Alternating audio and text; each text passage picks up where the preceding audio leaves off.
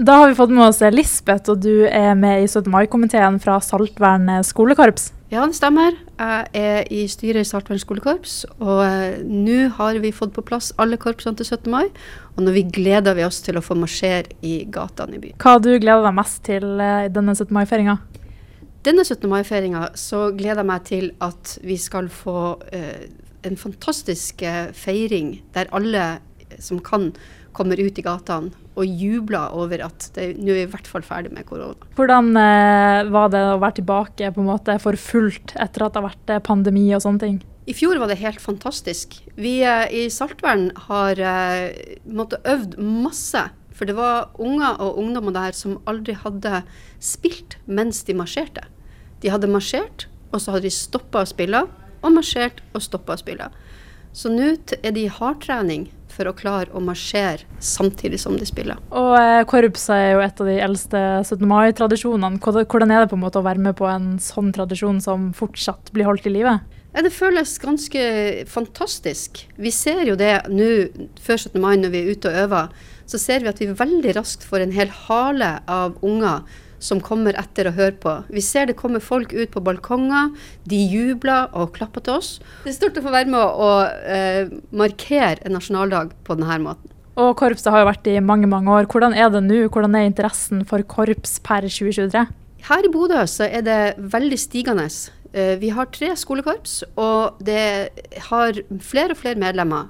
Er, vi håper at vi fortsetter å få mange som har lyst til å spille korps. I Saltvern skolekorps, som jeg representerer, så er det snart sånn at vi må begynne å begrense inntak av nye musikanter. Eh, hva er stort sett favorittsangen til folk å spille på 17. mai? I Saltvern skolekorps så er Sladeburn veldig populær. Det er en marsj som er veldig flott å høre på. Hvorfor er på en måte korpstradisjonen så viktig?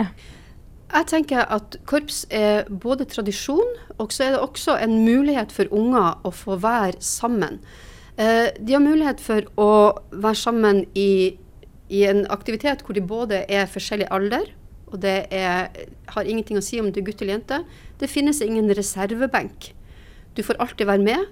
Du spiller om du kan tre toner på en marsj, så er det de tre tonene du spiller. Kan du hele? Kjempeflott. Uh, dette her er for alle.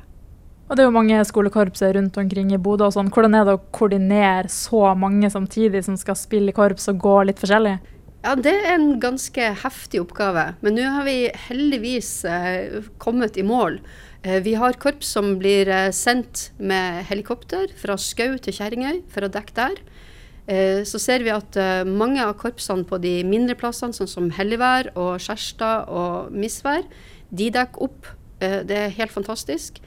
Eh, Alstad skolekorps er med og spiller. De har måttet holdt seg rolig et par år, og nå er de med for full rulle. Så det her er, det blir en fantastisk feiring. Og Forutenom korps, da, hva er din personlige 17. mai-favorittradisjon? Min personlige 17. mai-favorittradisjon er egentlig fra jeg sjøl var speider. Da gikk vi i eh, speidertog, sånn som er nå også, men vi gikk i et stilletog.